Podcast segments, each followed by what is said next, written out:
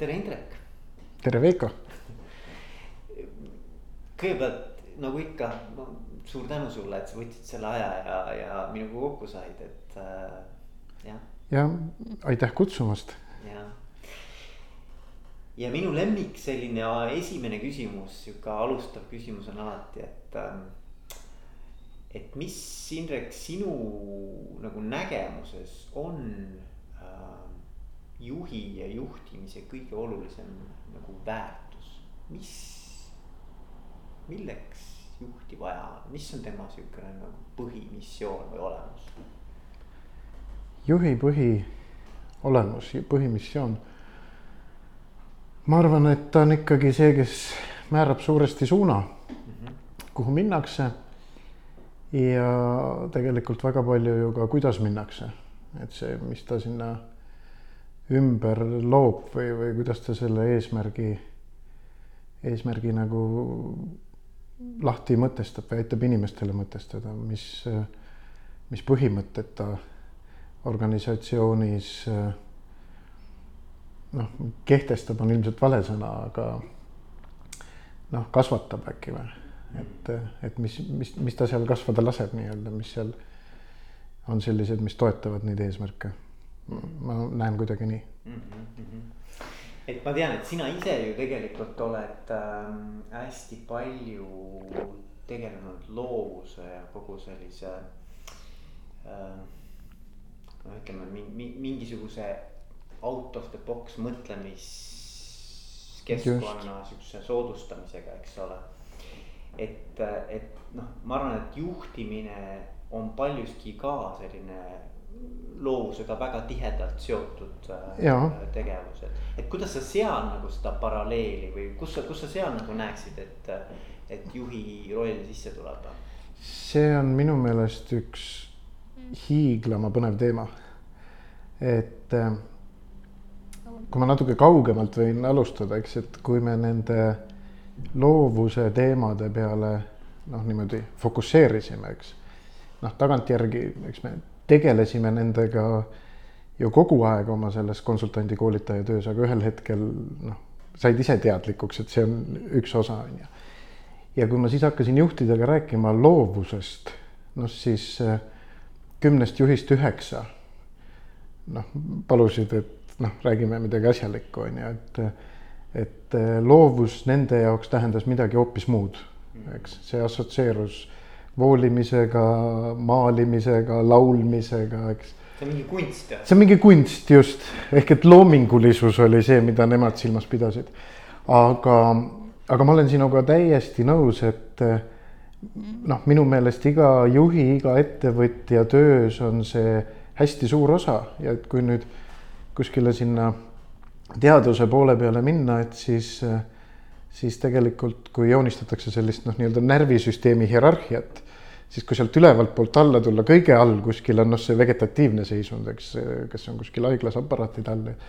hästi palju vaheasju, aga kaks kõige ülemist on äh, nii-öelda ülevalt, teine on intellektuaalsus ehk et selliste äh, varem nähtud situatsioonide äratundmine, varem olemas olnud teadmiste omandamine, taaskasutamine ja nii edasi ja sellest üks aste kõrgemal on tegelikult selline uute seoste loomine, nende märkamine, uue teadmise loomine. noh, see on hästi otseselt ju loovusega seotud mm. asi, on ju. ehk et ma arvan, et iga juht tegelikult, iga hea juht väga palju sellega puutub kokku, on ju, sul tuleb. ettevõtja, eks ole. ja ettevõtja ka. ettevõtlikkus kui selline nagu omadus ise on hästi palju loovusega nagu mhm. -huh. sarnane, eks ole. just, väga sageli, eriti kui me võtame kuskilt noh, kust kui päris nullist alustatakse, sa nii-öelda mitte millestki hakkad ju midagi looma, sa märkad kuskil mingisugust ma ei tea siis probleemi või, või, või midagi, mis on teistmoodi, kui olla võiks ja sa tegelikult hakkad sealt minema. sa lood midagi täitsa uut sageli.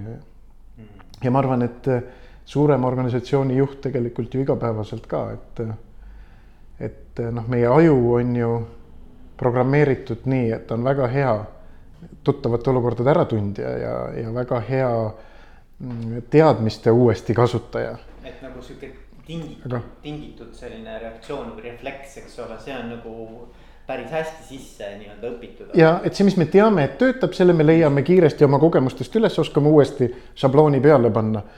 mis on hädavajalik oskus eh, enamus elusituatsioonides ja ometigi ma arvan, kõik juhid tunnevad selle ära, kui nad mingil hetkel jõuavad sinna, et et oh pagan, nüüd see, see asi enam ei tööta, on ju, et noh, nüüd on midagi muud vaja. mina ütlen, et see ongi juba see loovuse situatsioon, on ju. Mhm, ja, ja ma mõtlen ka, et, et et, et kuidas sellist loovust nagu on võimalik äh, arendada või, või kas see on arendatav või mis sinu nagu nägemus selles osas on, et et, et kui nüüd äh, juht nagu tunneb, eks ole, et, et see on asi, mis tema puhul võib-olla vajaks nagu arendamist või, või natukene toetamist. et äh, kui palju sa nagu ise arvad, et, et loovust on võimalik nii-öelda arendada? mina olen veendunud, et on võimalik arendada, aga ma arvan, et veel enne seda on üks hästi suur reserv meil kõikidel, et äh, et me noh, nii-öelda teeks, teeks oma päevaplaanidesse üldse ruumi, et loovus saaks avalduda. Sellepärast, et äh, äh, noh, ma ei tea, mõtleme tagasi kuskile koolifüüsikasse, kus oli Newton, kui talle õun pähe kukkus ja ta mingid seadused avastas, eks, et et või, või Archimedes, et paljud on seda ise ka tundnud, et noh, tegeled mingi probleemiga, lahendust ei tule, ei tule, ei tule jätad sinnapaika, lähed trenni koeraga jalutama duši alla, noh, kuhu iganes jooksma ja mingil hetkel on see heureka hetk, on ju. ehk et tegelikult need äh, loovuse hetked sageli vajavad niisugust noh, heas mõttes pingevaba olekut või noh, seda, et sa ei ole fokusseeritud sinna. see on hea point, et, et kui palju üldse tänapäeval nagu inimestel on sellist sellist aega, kus ta nagu võtabki nagu kogu selle igapäevakiire maha mm. -hmm. et, äh, et tuleksid need nii-öelda ahhaa-momendid või need nii-öelda heureka momendid nagu sa mhm. ütled -hmm., sest et ega tegelikult ju sa oled nagu orav rattas, eks ju ja sa oled orav rattas ja, ja siin on hästi palju siukseid noh, minu jaoks olnud ka selliseid avastamishetki, et et noh, mida teadlased ütlevad, et näiteks kui nüüd keegi kuulab ja mõtleb, et oi, ma võtan küll, et ma lähen siin, ma ei tea, kolm korda nädalas lähen peale tööd jõusaali näiteks, eks. Mis iseenesest on üks selline viis ka, kus sa ju lülitad välja, aga kui sa näiteks jooksed seal kuskil selle lindi peal või oled kuskil masina taga ja paned endale kõrvaklapid pähe, kuulad mida iganes sealt, olgu see muusika või, või mingisugune, mingisugune jutusaade, siis tegelikult juba oluliselt väheneb tõenäosus, et see heureka saaks tekkida, sest sa ei anna ajule nagu puhkust sa oled justkui välja lülitanud, aga tegelikult sa koormad teda millegi uuega kogu aeg. Et see, et selles mõttes siis oleks soovitus see, et noh, ära pane neid klappe pähe. ja, ja noh, ilmselt ei ole nagu mõistlik ootus ka, et ma ei taha seda ootust juhtida, et nüüd lähed, siiamaani oled klappidega käinud, ühe korra lähed ilma klappideta ja siis, kui midagi ei tule, siis ütled, et see minuga ei tööta, on ju. aga et noh, tellida ei saa. aga et see on üks, üks hästi oluline koht. ja teine pool, kui nüüd selle küsimuse, algse küsimuse juurde tagasi tulla et on küll selles mõttes treenitav, et äh,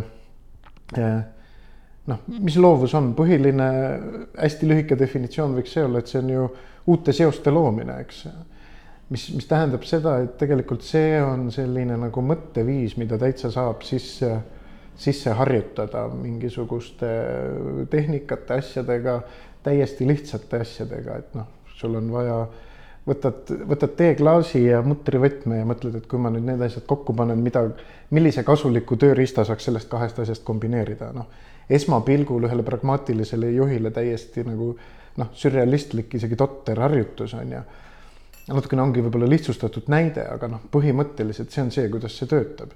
et sa mingisuguse hulga eh, noh, selliseid eh, harjutusi ja asju nagu teed, siis tegelikult su, su aju hakkab ühel hetkel aru saama, et aa, et sa tahad panna mingisuguseid asju niipidi ka kokku, on ju, ja ja, ja sa hakkad märkama lihtsalt asju teistmoodi. Et, et selles mõttes ta on treenitav hästi selgelt. nojah, sul on tegelikult, ma ei tea, kui kaua sa oled tegelenud, ma tean, et sul on äh, selline maakoht nagu, mida sa nimetad loovusaidaks, eks ole mm. -hmm.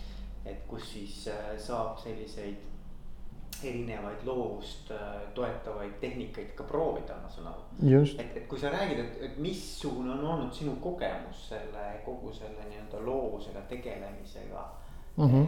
Et, äh, et kui paljudega sa oled noh, kui ma, mina, ma ka ei tea näiteks, et kaua sa sellega tegelenud oled ja.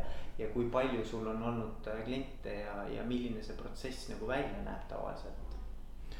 no see algus on raskesti määratletav tegelikult, nii nagu ma ennem ka viitasin, et et ma arvan, et me oleme sellega kauem tegelenud kui see hetk, kust maalt me ise saame aru. ehk et noh, mis see tähendab, on see, et et kaks tuhat üks kuni kaks tuhat kuskil üheksa, kümme me tegelesime oma konsultatsiooniettevõttes kolleegidega eelkõige igasuguste selliste strateegia protsesside nagu juhtimisega ettevõtetes, aitasime teha strateegilisi plaane, aitasime teha tasuvusanalüüse, avalikus sektoris arengukavasid, noh, kõike, mis on sellise pikaajalise tuleviku plaanimisega seotud. ja seal oli hästi sageli see töövorm tegelikult selline, et need võtmeisikud olid koos, noh, avalikus sektoris võis see mõnigi kord rohkem olla, kaasama peab, eks, aga ettevõtetes sageli noh, selline noh, viis kuni kümme inimest, harva oli see seltskond suurem, harva oli ta väiksem. Ja, ja kui meie prot-, meie ülesanne oli siis seda protsessi juhtida ja panna need inimesed omavahel arutama, vot siis selle käigus mingil ajahetkel tekkis arusaamine, et et me võtame inimestena noh, neid samu otseteid, et me võtame neid mineviku noh, lahendusi ja need on meie jaoks noh, nii-öelda automaatselt õiged, et me tegelikult ei mõtle, et oota, mismoodi veel saaks või kui mõtleme, siis sageli sobrame teiste mineviku lahenduse seas, eks ju, et me neid uusi variante lauale ei loo. ja siis me hakkasime neid tehnikaid otsima, et nendes samades oma kliendi projektides kasutada. kuni siis kuskil kaks tuhat kümme oli see koht, kui, kui see teema oli nagu nii noh, huvitavaks paisunud, et sisuliselt me keerasime teistpidi, et, et me praktiliselt nende strateegiate ja tasuvusanalüüsidega täna enam ei tegele, vaid oleme kaks tuhat kümme alates enam-vähem ainult nende asjadega tegelenud. kui palju neid kliente on olnud, ausalt öeldes isegi ei oska öelda. et noh, see on igapäevane töö. Üldjuhul, kuidas me töötame, on ju see, et noh, need ei ole mingid avalikud koolitused, ettevõtete sisesed asjad, needsamad võtmeisikud on koos. Lihtsalt nüüd me enam ei aita nendel üldjuhul mitte seda strateegiat teha, vaid äh, me tegelikult äh, õpimegi neid äh, samu tööriistu, et noh, hästi lihtsalt öeldes, kuigi see on ebatäpne, aga hästi lihtsalt öeldes need on ajurünnakute läbiviimise tehnikad, mis viivad ajurünnaku organisatsioonis hästi uuele tasemele, on ju aga, aga me teeme seda niipidi, et me võtame alati mingisuguse selle organisatsiooni reaalse küsimuse. ehk et noh, siis on nendel lahendused sellele ja, ja mingid tööriistad, mida nad saavad pärast ise kasutada. ja seda me oleme nüüd noh, teinud üks kaks tuhat kümme alates noh, ma arvan, et et viis aastat me vist kogu aeg seda tegime, need olid niisugused lühikesed workshop'id, üldjuhul ühe-kahepäevased tänaseks me oleme nüüd sealt vaikselt liikunud niipidi edasi, et noh, need teemad väga haakuvad selliste teenuse disaini teemadega on ju, et need, need protsessid äh, on, on nagu või noh, projektid on nagu pikemaks läinud, et me hakkame, hakkame pihta mingist ülesande püstitusest ja noh, töötame sellega kauem, et see on nii mõnigi kord on näiteks kaks kahepäevast sessiooni või, või muud sellist. Mm. Ja, ja kui küsimuses oli see loovusaida koht ka sees, siis, siis jah, noh, seesama rahu saamise teema on ju, et mis ma ennem ütlesin, et, et neid hetki peab tekkima. et siis me oleme avastanud seda, et, et paradoksaalsel kombel see, et võtta, noh, enamus meie kliente on ju Tallinnas, eks, et võtta siit oma seltskond kokku ja sõita peaaegu kolm tundi kuskile Lõuna-Eestisse mis tundub jälle sellisele pragmaatilisele inimesele esimese hooga nagu noh, kohutav aja raiskamine, et nii kaugele sõidame. me ühe päeva sõidame ju maha hmm. edasi-tagasi. Yeah.. siis äh, tegelikult äh, see töötab, äh, see, see täielik keskkonnavahetus, mis tuleb ja ja see kaugus annab ka selle, ma arvan, et ka paljud on seda kogenud, et kui on kahepäevane koolitus, osad jäävad ööseks kohale, teised ütlevad, oi, ma pean täna ära käima, noh, mis iganes põhjusel aga vaata, kui sa oled juba kakssada viiskümmend kilti sõitnud, siis sa ei käi õhtul korraks ära, on ju.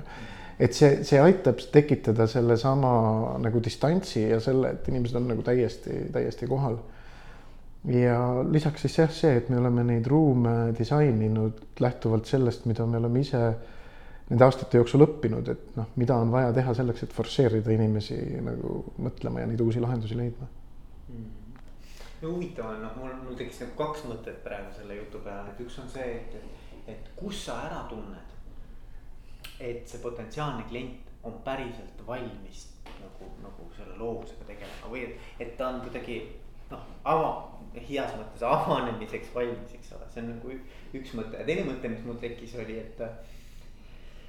et, et kas see tähendab tegelikult seda, et meis kõigis on juba vastused olemas et, et vaat, et kuna mm -hmm. tegelikkuses ega, ega teie ju mingeid vastuseid ei anna mm, -hmm. nii-öelda sina koolitajana tegelikult vastuseid ei anna.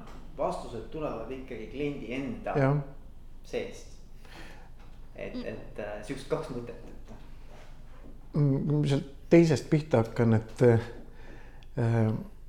me oleme hästi teadlikult sellest proovinud hoiduda ka, et noh, öelda oma sellist äh, ühte selget vastust, et äh, mitte sellepärast, et kahju oleks, vaid vastupidi, mul on vähe usku, et, et noh, mina või ükskõik milline teine koolitaja või konsultant tuleb, veedab päeva või kaks koos in, tarkade inimestega, kes päevast päeva oma äri nagu arendavad ja siis ütleb ühel hetkel, et oh, ma tean täpselt, eks ju, et noh, tehke nii ja nii ja nii, on ju et, et ma ei usu sellesse, noh, mingite asjade puhul loomulikult on ju, et noh, kui sa ikkagi see näed.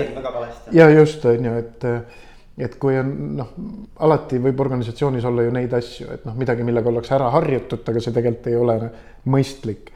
aga noh, see ei ole see üldasi on ju, millega me töötame. et, et meie anname ikkagi need töövahendid ja paneme selle grupi tööle, me me tunneme seda protsessi läbi ja lõhki ja me oskame noh, nii-öelda gaasi juurde anda või pidurdada, eks, et noh, me seal meie juures toimuvate asjade puhul oleme ka hästi selgelt selle joone vahele tõmmanud, et noh, klassikaline koolitus käib ju ikka nii, et poolteist tundi on koolitus, siis on kohvipaus, siis on poolteist tundi koolitus, siis on lõuna. meil ei ole seda, et noh, meil on eesmärk on kokku lepitud, meil on see metoodiliselt on ette valmistatud, loomulikult nagu minul läbiviijana on mingisugune ajaline plaan ju ka. aga tegelikult eh, noh, me oleme teinud ka selliseid asju, et kui meil on seal hoovi peal on rabajärv on ju.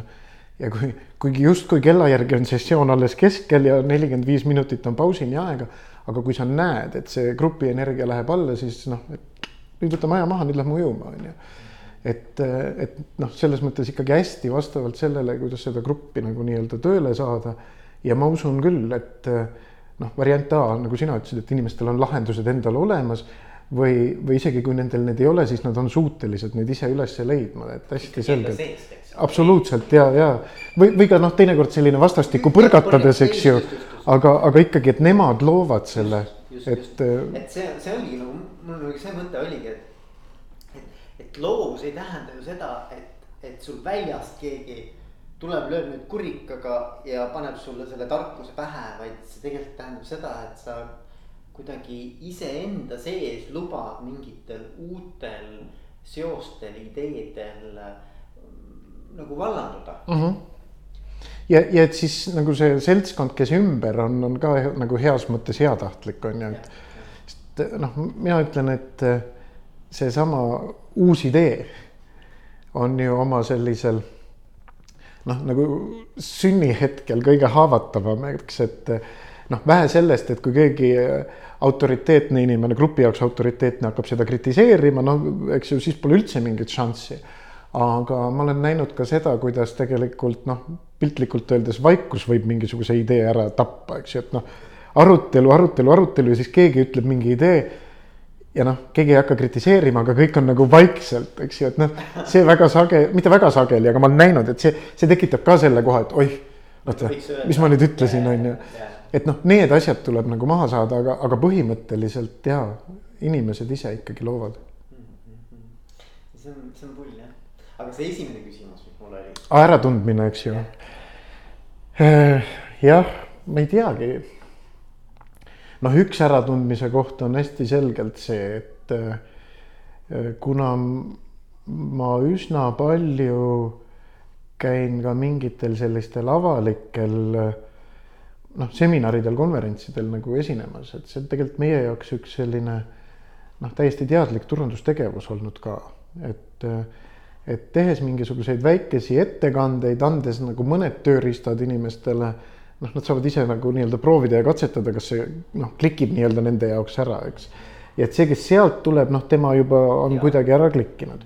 aga noh, teistpidi me oleme nende käigus näinud neid asju ka, kus, kus öeldakse, et noh, ei, et noh, meil on nagu tööd vaja teha ja et noh, et see on nagu lihtne, paned eesmärgi paika, paned vahe-eesmärgid, jagad inimestele ülesanded ära ja hakkadki tegema ja minema ja, ja, ja noh, siis see on küll üks äratundmise koht, et vähemalt sellel ajahetkel selle organisatsiooniga noh, me ei saa nagu aidata, on ju, et sest natukene kehtib siin see no see anonüümsete alkohoolikute teema on ju, et, et ta peab ikkagi ise ära tundma, et ega nagu noh, vägisi meie ei saa seda, seda teha. ja kui nüüd võtta niipidi, et need inimesed, kellega me oleme koos nagu mingisuguse töötamiseni jõudnud, siis meil on nende aastate jooksul ainult üks üks selline inimene olnud, kes noh, demonstratiivselt ei, ei töötanudki kaasa, et äh, enamus on ikkagi nii, et isegi kui alguses on natukene see vastuseis, et siis äh, sest need noh, need tööriistad tähendavad sageli ka natukene väikese ebamugavustunde ületamist, on ju. sul tekib seal korraks see tunne, et appi, et äh, brr, mul nüüd ei ole ühtegi mõtet, on ju.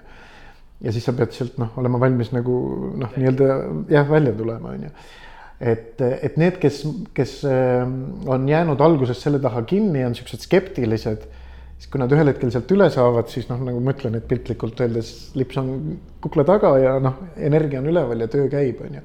ehk et ikkagi väga sageli on see, et sa pead olema valmis, et sa noh, lubad endale võimaluse kogeda nüüd midagi teistmoodi ja, ja siis otsustad.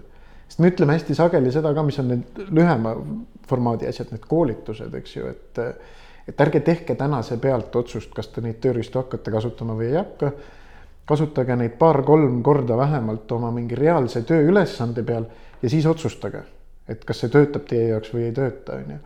ja noh, loomulikult nagu iga koolitusega, siis ongi alati ju see küsimus, et noh, kui paljud siis nüüd tegelikult pärast selle sealt sahtlist välja võtavad ja kasutama hakkavad, on ju et aga sellepärast me jälle proovime ka ise liikuda nende pikemate projektide peale, kus me tegelikult noh, jõuame mingisuguse sisukama või noh, et aitame sisulise asja ära lahendada, et siis on nagu see kogemus selles mõttes nagu reaalsem olemas, on ju. kasutasime neid asju, jõudsime siia, kuule, miks mitte neid asju kasutada nüüd järgmise puhul ka aga kui sa nüüd noh, mind, mind huvitab veel see asi, et, et kui, kui sa püüaksid, ma eeldan, et sa, sa suudad, on ju. et sa püüaksid nüüd selgitada ära, et mis siis nagu inimese kupli all toimub. et nii-öelda siis, kui ta on sellises nii-öelda loovas seisundis mm. -hmm. Versus kui ta on siis kuidagi sellises äh, vanas äh, mustris kinni, et, et mis toimub meis või kuidas see, kuidas seda nagu ajus ära selgitada või, või ajutoimingutes nagu? mm? -hmm. noh, ma olen seda, ma arvan, et mul on vastus jah, eks ju, aga aga kaugemalt pihta hakates, et, et see on mind ka huvitanud, ma olen tegelikult otsinud ja lugenud, on ju, aga noh, ma ilmselgelt ei ole ajuteadlane, on ju. aga hästi lihtsalt öeldes, nii kuidas mina seda protsessi olen mõistnud, mis just nimelt seal kupli all toimub. et, et meie aju on tegelikult noh, programmeeritud, kui nii võib öelda, niimoodi, et ta proovib kõiki meie tegevusi tõlkida kogu aeg harjumusteks. et äh, aju ei taha olla selles olukorras, et nii, nüüd tuli situatsioon, nüüd ma pean mõtlema, kuidas ma seda nagu lahendan. sest see on energiamahukas, et see on meil noh, tegelikult tõenäoliselt ka ellujäämiseks olnud lihtsalt vajalik, eks. kiire niisugune vastus tuleb kohe. ja just, et, et kui, kui äh, ma ei tea Koppa inimene kuulis põõsas krabistamist, et siis ta ei hakanud analüüsima.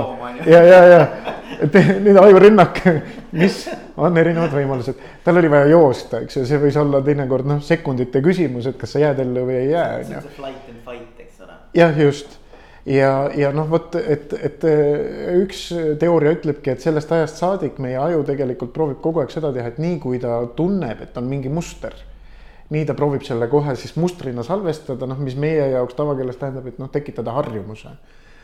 ja, ja nüüd, kui me tahame, et inimene mingit olukorda hakkaks lahendama, siis kõigepealt aju nagu otsib noh, need nii-öelda lattu pandud mustrid läbi, eks ju. et mis on nüüd see, mis nagu haakuks ja, ja see, mis mina nagu tahan saavutada, et, et sa oled nüüd loov, siis see on noh, kas variant A et äh, aju ei leia sealt äh, riiulist olemasolevat seost või B ta leiab, aga meie ütleme, et kuule, ära seda kasuta, on ju, nii et, et noh, me proovime tekitada olukordasid, kus ta tegelikult loob uusi seoseid.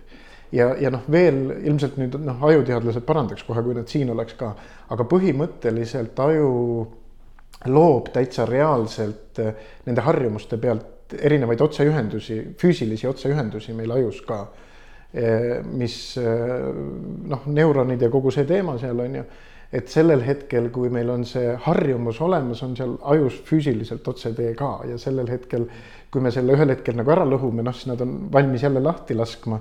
aga tavaliselt see tekkimine on lihtsam kui lahti laskmine on ju. et, eh, et jah, me, me, me ikkagi võitleme seniste harjumustega nagu hästi tugevalt ja, ja et valesti kõlama ei jääks, siis need harjumused ei ole kuskilt otsast halvad, on ju, ma arvan. Nad on no, kunagi töötanud. Nad on kunagi töötanud ja enamus asju meil on igapäeva toimimiseks vajalikud, eks ju, et noh, kui sa lähed ukse juurde ja hakkad mõtlema, et kuidas seda nagu avatakse, noh. et noh, meil pole vaja seda, on ju. paistaks üsna pentsik ja aga, aga samas, eks ole, et ja ma arvan, et see ongi nagu selle loovuse nagu teine pool, et, et kuidas äh, lasta lahti sellest harjumuspärasest, vähemalt mm -hmm. selleks hetkeks, et mm -hmm. lubada endale see eh, kogemus või eksperiment, et proovime teistmoodi, mis on alternatiivid, et noh, nii-öelda mm -hmm. kasvõi teha korraks see uks lahti nendele võimalustele mm. -hmm. ma arvan näiteks, et psühhoteraapias ka, et noh, kui sa mõtled, mida mida, mida nagu seal grupiteraapias tehakse, siis tegelikult antakse inimestele võimalus alternatiivseid käitumismustreid proovida grupis mm. -hmm. et mis juhtub, et kui sa ei reageeri niimoodi enam äh, sellisele nii-öelda stiimulile mm. -hmm. No, keegi ütleb sulle midagi või see inimene tekitab sinus mingisuguse mustri või või situatsioon, et, et mis oleks erinevad variandid, kuidas sa saaksid selles mm -hmm. situatsioonis käituda ja siis proovid grupis erinevate inimeste peal läbi ja sa saad tagasisidet, et kuidas see oli mm. -hmm.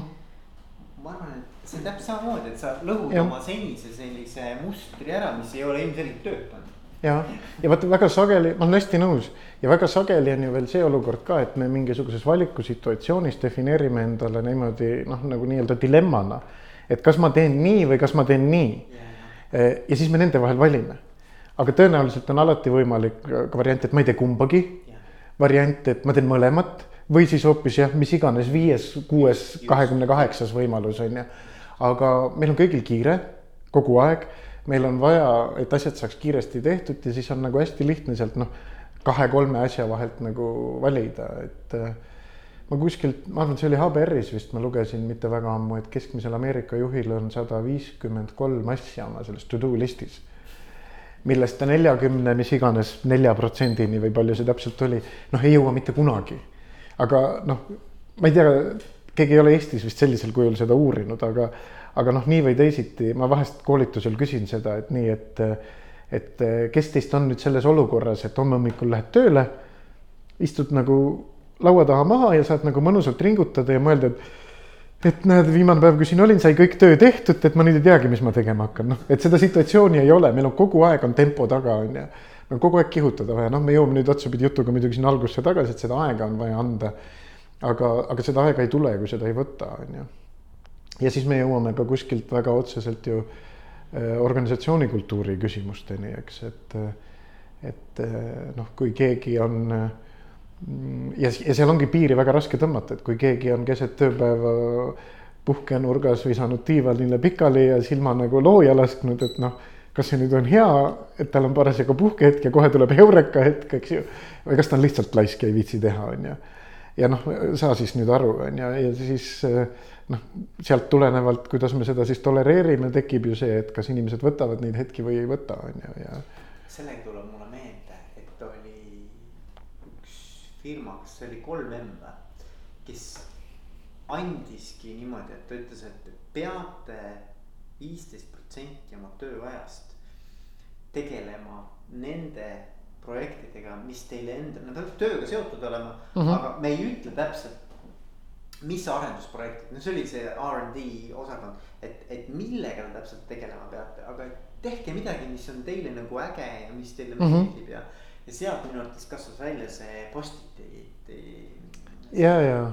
see idee mm, -hmm. et noh, see on ka samamoodi, et kuidas siis sellist nii-öelda uuendusmeelsust ja innovaatilisust ja kogu seda nagu mm -hmm. panna õitsema ettevõttes, et, et sa pead andma inimestele tegelikult vabaduse tegeleda nende teemadega, mis neid köidavad ja mis võib-olla lähevad natukene välja sellest nii-öelda igapäeva mm -hmm. rutiinist.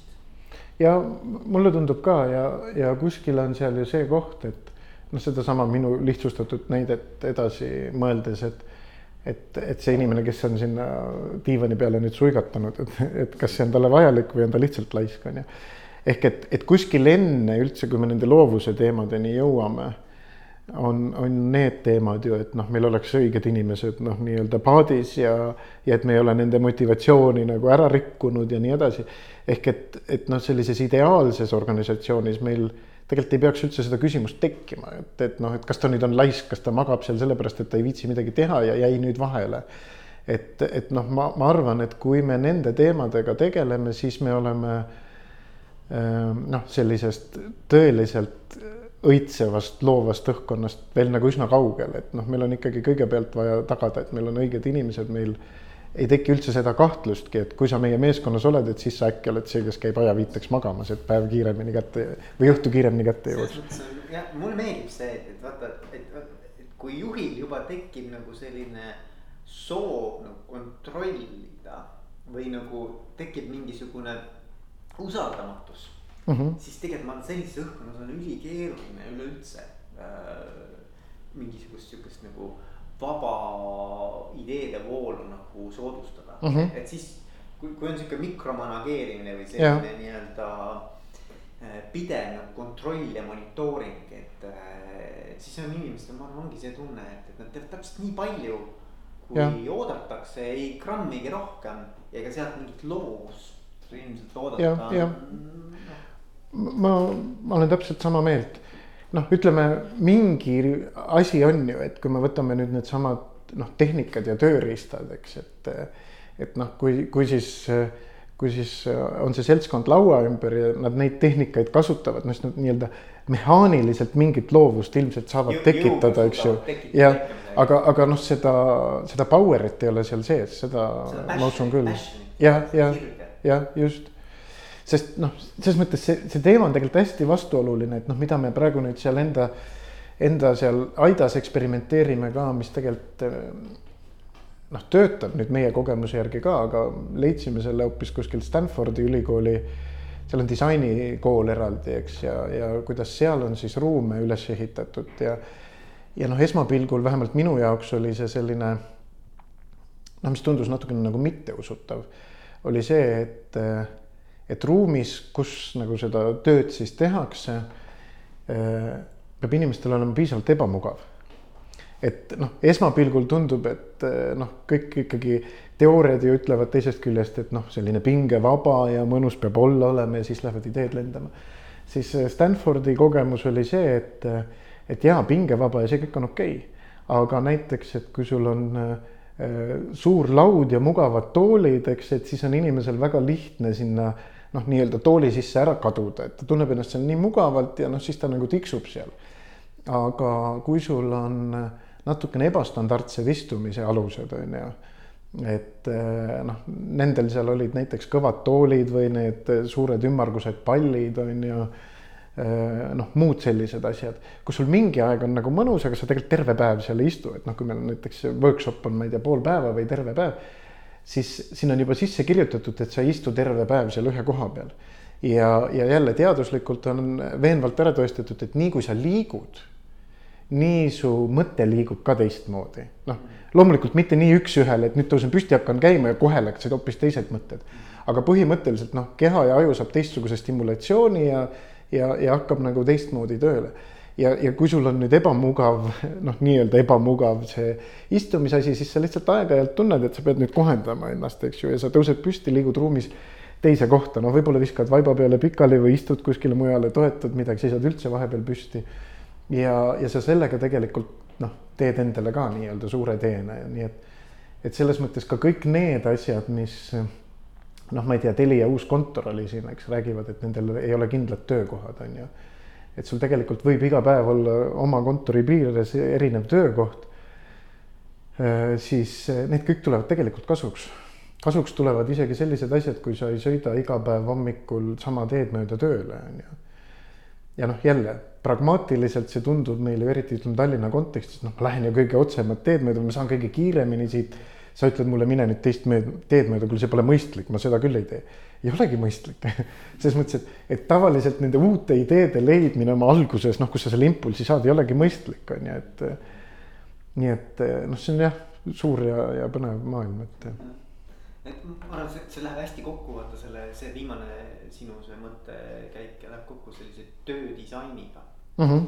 et, et ma mäletan, ma rääkisin, Klaas-Jan Reike on ka mm -hmm. et, mul siin rääkimas ja ja väga-väga huvitav samamoodi, et kuidas tegelikult kogu noh, seal ei ole mitte ainult füüsiline pool, vaid on ka see kogu see kogemuslik pool, eks ole. et kuidas siis äh, selliseid eduelamusi nagu disainida nagu, mm. -hmm. et see jah, et, et huvitav, et, et loovust saab ka nagu siis nii-öelda noh, tegelikult loogiline ju saab nii-öelda keskkonna kaudu siis tegelikult äh, soodustada ja disainida mm. -hmm noh, kui me, vaata Eestis ei ole ju eriti, aga kui me võtame mingisugused sellised noh, selle klassikalise kuubiku kontori, eks ju, noh, et siis ma olen ikka mingil hetkel mõtetega sinna jõudnud, et et kui meil noh, sellel sügaval industriaalajastul inimesed läksid vabrikusse tööle, tegid vabrikus ühte oma lõiku, et siis tegelikult noh, natukene ajas tagasi minnes, aga aga paljudes väga suurtes organisatsioonides mujal maailmas täna ka seal, kus kuubikumaailm domineerib et ega siis see inimene, kes täna seal teeb, ei erine väga sellest, kes vanasti vabrikus tegi. et tal on väga standardiseeritud asi, tal on oma noh, nii-öelda tööpink on ju jutumärkides, kus taga ta peab ühte kindlat protseduuri tegema. ja, ja seal maailmas olles noh, samamoodi mingit seda loovust väga tulla ei saa, on ju, nii et et noh, kui nüüd selle töödisaini juurde tulla, et noh, väga selline äärmuslik näide, eks, aga noh, kuskil skaala teises otsas on, ma kujutan ette, mingisugused sellised noh, sellised ägedad startup'id, nagu meil meeldib äh, ette kujutada, eks, et, äh, et äh, kus on selline väga vaba õhustik. noh, siis sealt kuubikust kuidagi sinna peab ju jõudma, nii et, et. aga ma tuleks korra veel nagu sinna juhi rolli juurde. et, et võib-olla seda on keeruline sõnastada, aga ma ikkagi püüaks kuidagi mm -hmm. tõmmata sinust välja. et, et mis nagu mis saaks olla nagu juhi enda tegevuses see, mis aitaks kaasa ettevõtte loovuse arendamisele. et nagu mida, mida juht saab nagu ise oma mõjuulatusringis teha selleks, et, et ettevõttes loovust äh, nii-öelda aidata, kasvatada mm. -hmm. Um ma arvan, et see on hästi mitmekihiline, et kui ma nüüd niimoodi järjest mõtlema hakkan, et siis äh, noh, üks teema on meie üldised kokkulepped üleüldse organisatsioonis, et ma nüüd ei pea silmas mitte seda, et lepime kokku, et oleme loovamad, eks ju, vaid, vaid äh, noh, kuskil see väärtuste pool, et me üleüldse signaliseerime inimestele, siis käitume ka selle järgi, et me tegelikult eh, tahame uusi ideid. et noh, kasvõi seesama koht, et eh, sageli esmapilgul see tundub ju jälle selles nii-öelda kiires ja kihutavas maailmas, et, et see võtab hoogu maha. et noh, tahame ära otsustada ja siis keegi hakkab ütlema, et aga tegelikult on ju veel selline võimalus ka, on ju. et noh, ära jama, kuule, meil on kiire praegu.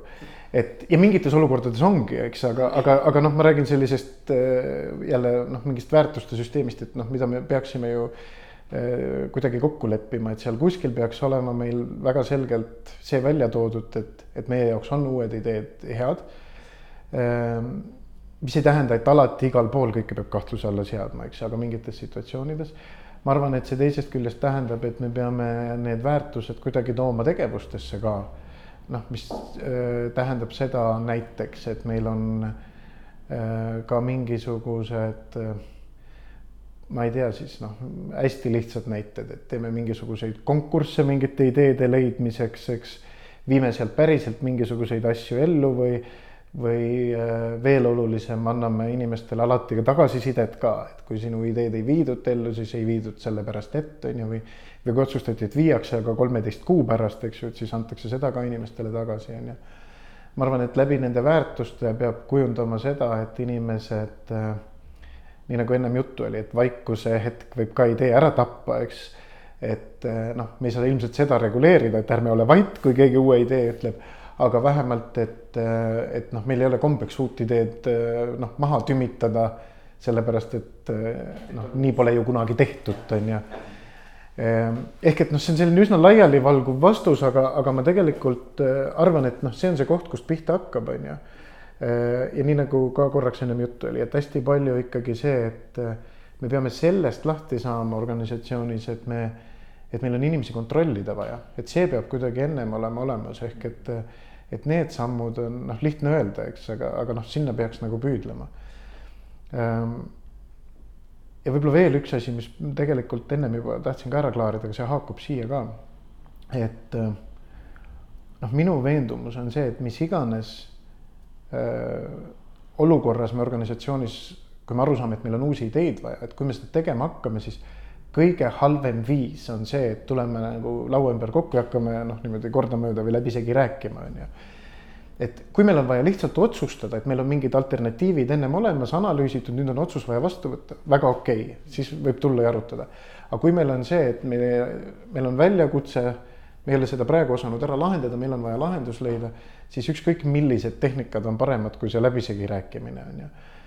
ja, ja, ja see on ka see, mida juht saab ju luua, on ju, et, et osad need tehnikad on sellised, et noh, sa võta oma nädala koosoleku algusest viisteist minutit ja sa tegelikult saad juba inimeste käest väga palju ideid sa annad nendele signaali, et meil need ideed on olulised, on ju, sa kasutad mingisugust nagu võtet või tehnikat. ja noh, niimoodi sammhaaval sa seda nagu üles ehitad, on ju. Ja jah, ja ikkagi läks jutt nagu mujale, ma tahtsin seda öelda, et see ajurünnak on ju, et noh, vaata, see on üks selline teema, mis aeg-ajalt on mu käest lihtsalt küsitud, et et noh, lugesin siin näiteks, ma ei tea, HBR-ist, et noh, et ajurünnak on ikka jama, on ju, et, et inimesed on üksinda loovamad e,. siis jaa, selliseid uuringuid on olemas väga palju ja need uuringud vastavadki tõele, aga lihtsalt noh, mis nagu seal oluline on mõista et kui me eesti keeles räägime ajurünnak, siis me enamasti tähistame sellega ükskõik millist ideede otsimise eesmärgil noh, kokku tulnud koosolekut.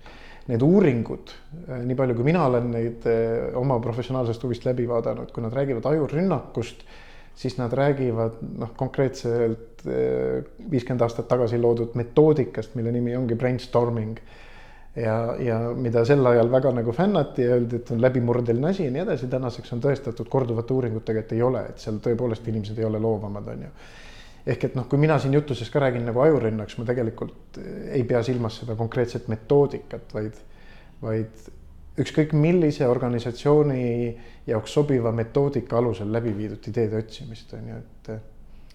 et see tundus mulle, et on oluline ära öelda siia vahele. klatitud. klatitud jah, nii okei, jah, et, et noh, et, et kui ma püüan kuidagi parafraseerida nüüd, et mis mm, -hmm. mis, mis sa ütlesid, et, et mulle tundub, et siis kõige olulisem on see. et üleüldse nagu soodustada sellist nagu mõtteviisi, et me ei, et meil nagu hinnatakse uusi ideid, meil hinnatakse äh, inimeste ettepanekuid, et, et äh,, et nagu selline nagu väärtus iseenesest saaks hakata juurduma, et mm -hmm. see on nagu see kuulamisoskus ilmselt ka paljuski, eks ole. et, et kui me vaatame näiteks, kuidas koosolekuid äh, nii-öelda peetakse ja kuidas inimesed tegelikult üksteisele annavad üldse võimaluse äh, jagada oma mõtteid ja ideid, eks ole. kas me oskame kuulata, kas me oskame neid tähele panna mm. -hmm. ma arvan, kõik see läheb nagu natukene sinna samasse auku. jah ja ma tegelikult ühe asja veel lisaks, et siis noh, jälle juhi rollist rääkides, kuidas juht seda saab esile kutsuda. et tegelikult ka aeg-ajalt selliseid noh, kuidas öelda, mentaalseid väljakutseid siis oma nagu tiimile visata, on ju. et kui meil nüüd on mingi ülesanne ees, siis mis tavapäraselt noh, meie senise praktika järgi sellist asja tehakse kolm nädalat, on ju, et siis aga mängimegi seda mängu, et kuidas me nüüd selle neljakümne kaheksa tunni jooksul ära lahendame, on ju.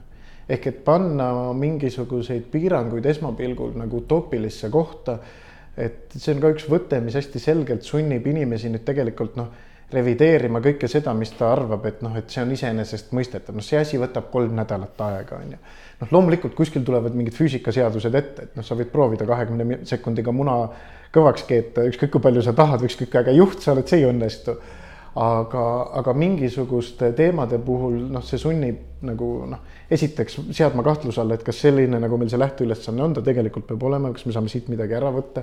kas need piirangud, mis me tavaliselt oleme vaadanud, on meil tegelikult piirangud, eks võib-olla mõned ei ole, mõned on, on ju, kas need ressursid, mis me mõtlesime, et meil on selle ülesande jaoks, kas tegelikult meil on ainult need ressursid või kui meil on tõesti praegu ainult nelikümmend kaheksa tundi, äkki me saame kuskilt tõmmata kõrvalt osakonnast veel kedagi juurde, on ju, ja, ja nii edasi.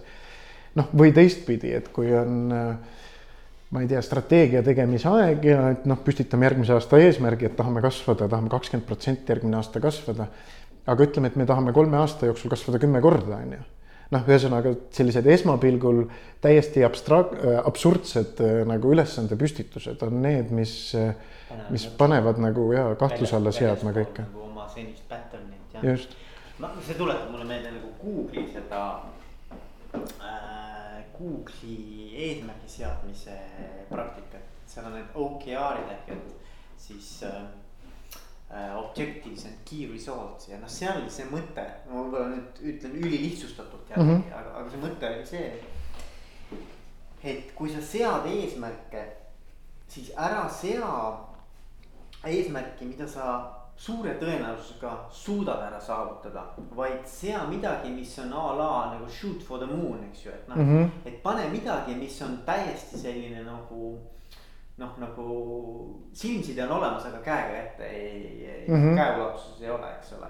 ja see sunnib sind mõtlema eh, ja tegutsema eh, igal juhul nagu, nagu võimsamalt ja sa saavutad igal juhul rohkem mm. -hmm kui sa oleks saavutanud siis, kui sa paned sellise nagu turvalise, kindla peale minemise mhm. eh, sada protsenti eesmärgi, eks ole. et isegi kui sa seitsekümmend protsenti sellest või viiskümmend protsenti sellest eh, nii-öelda sellest äh, kuu, kuule sõiduplaanist ära täidad, on ju. sa oled, sa oled nagu võidus igal juhul. et noh, see, et noh, samasugune loogika nagu, et, et. see, see, see kõlab mulle noh, väga sellega kokku, mis, mis mina mõtlesin, eks, et et äh, see, see sunnib mingisugusel hetkel noh, revideerima kõik meie asjad üle, on ju. noh, Google'i üks teine asi, mis mulle endale väga meeldib ka noh, nendel. ma arvan, et seda vist eesti keeles ei ole, aga inglise keeles nendel on terve raamat selle kohta on nende see metoodika, kuidas nad siis, äh, Sprint on nimi, Google Sprint, kuidas nemad oma tooteid arendavad ja ja noh, see, seda me oleme ka nii-öelda tudeerinud ja siis nende oma asjade aluseks nagu selles mõttes proovinud kujundada, et äh, noh, nendel on selline seitsmepäevane protsess. äkki oli viiepäevane, noh nädal, ma ei tea, tõenäoliselt nad ikkagi viite päeva pidasid silmas. Äh, kus siis projektitiim nagu eraldubki kõigest muust oma igapäevakohustustest ja ainult intensiivselt selle projektiga töötatakse eesmärgiga selle nädala lõpuks olla see asi nagu noh, ära lahendanud ja, ja see on natukene seesama, mis mina ütlesin, et kuidas see tegelikult see kolm, kolm tundi oma kontorist ära sõitmist tekitab selle mentaalse nagu vahekoha, on ju. et, et sa oled fokusseeritud täiesti sinna koha peale, mida sa tahad nagu lahendada ja, ja ei mingisuguseid muid segajaid. nii et, et noh, Google on vaieldamatult see koht, kust nagu nii-öelda otsida ja inspiratsiooni ammutada. ja väga-väga äge ja see Laslo Boki raamat on see nende mm. endine, nüüd vist endine äh, HR boss. nii-öelda mm. kirjutas raamatu ähm, Google Works või mingisugune uh, -huh. eesti keeles on ka ilmunud juba. see on väga äge sihuke pistik oli kaane peal või no ma olen seda ka lugenud jah, jah. kollane, kollase kaanega on. ma lugesin e-raamatuna, aga Aa, okei, aga okei, okei. oma mustvalge ekraaniga seal on väga palju häid ideid ja, ja mis mi- muidugi Google'i puhul, ma ei taha nüüd Google'ist väga palju rääkida, aga mm. -hmm. Google'i puhul, mis mulle väga meeldis, oli see. et äh, nad on oma kuuekümne tuhande töötajaga ja ma ei tea, mitme, ma ei tea, mitme tuhande tiimiga teinud ju tohutult sellist äh, teaduslikku tööd reaalselt, et mis juhtimises siis toimib ja mis mm Mhm. -hmm. ei toimi. et nad on nagu andmetepõhiselt täiesti mm Mhm. -hmm. teinud nagu äh, research'i mm Mhm. -hmm. HR-is, et see on nagu väga-väga kõva, et ma arvan, et see on tegelikult ka nagu asi. mis üha rohkem ja rohkem hakkab meile ka tulema, et Jah. ikkagi nagu puhtalt sellise data peal nagu teed otsuseid mm, Mhm. -hmm. et äh,. ma, ma usun ka.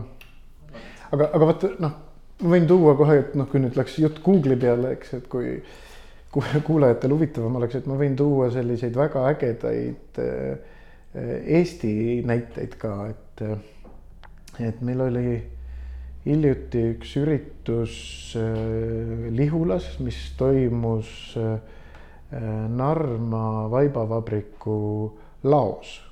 see oli tegelikult üks seminaripäev kus, kus mina jah, tegin lihtsalt ühe ettekande ja modereerisin seda päeva, aga, aga seal oli otsitud sellist teist, teistlaadset nagu toimumiskohta.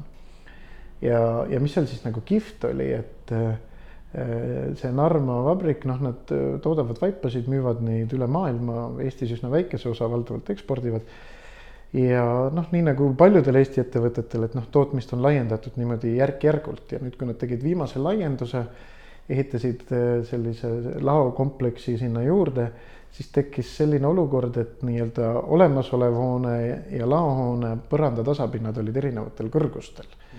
ja, ja nii projekteerija kui ehitaja ütlesid, püstitasid küsimuse, et kus kohta me nüüd selle astme siis nagu teeme, et noh, ühelt tasapinnalt teisele minnakse ja ettevõtte juht ütles, et kuskile ei tee. et eh, mis oleks, kui me teeks eh, kalduspõranda. noh, ja siis ma nüüd võin numbritega eksida, aga, aga noh, see, mis ta seal siis ütles, noh, kusjuures me istusime selles samas ruumis, me tegelikult ei tajunud, et see põrand on kuidagi kaldu. see oli selline noh, meetri peale, ma ei mäleta seal neli millimeetrit või noh, midagi sellist noh, mis ehitaja jaoks on katastrofaalne nagu,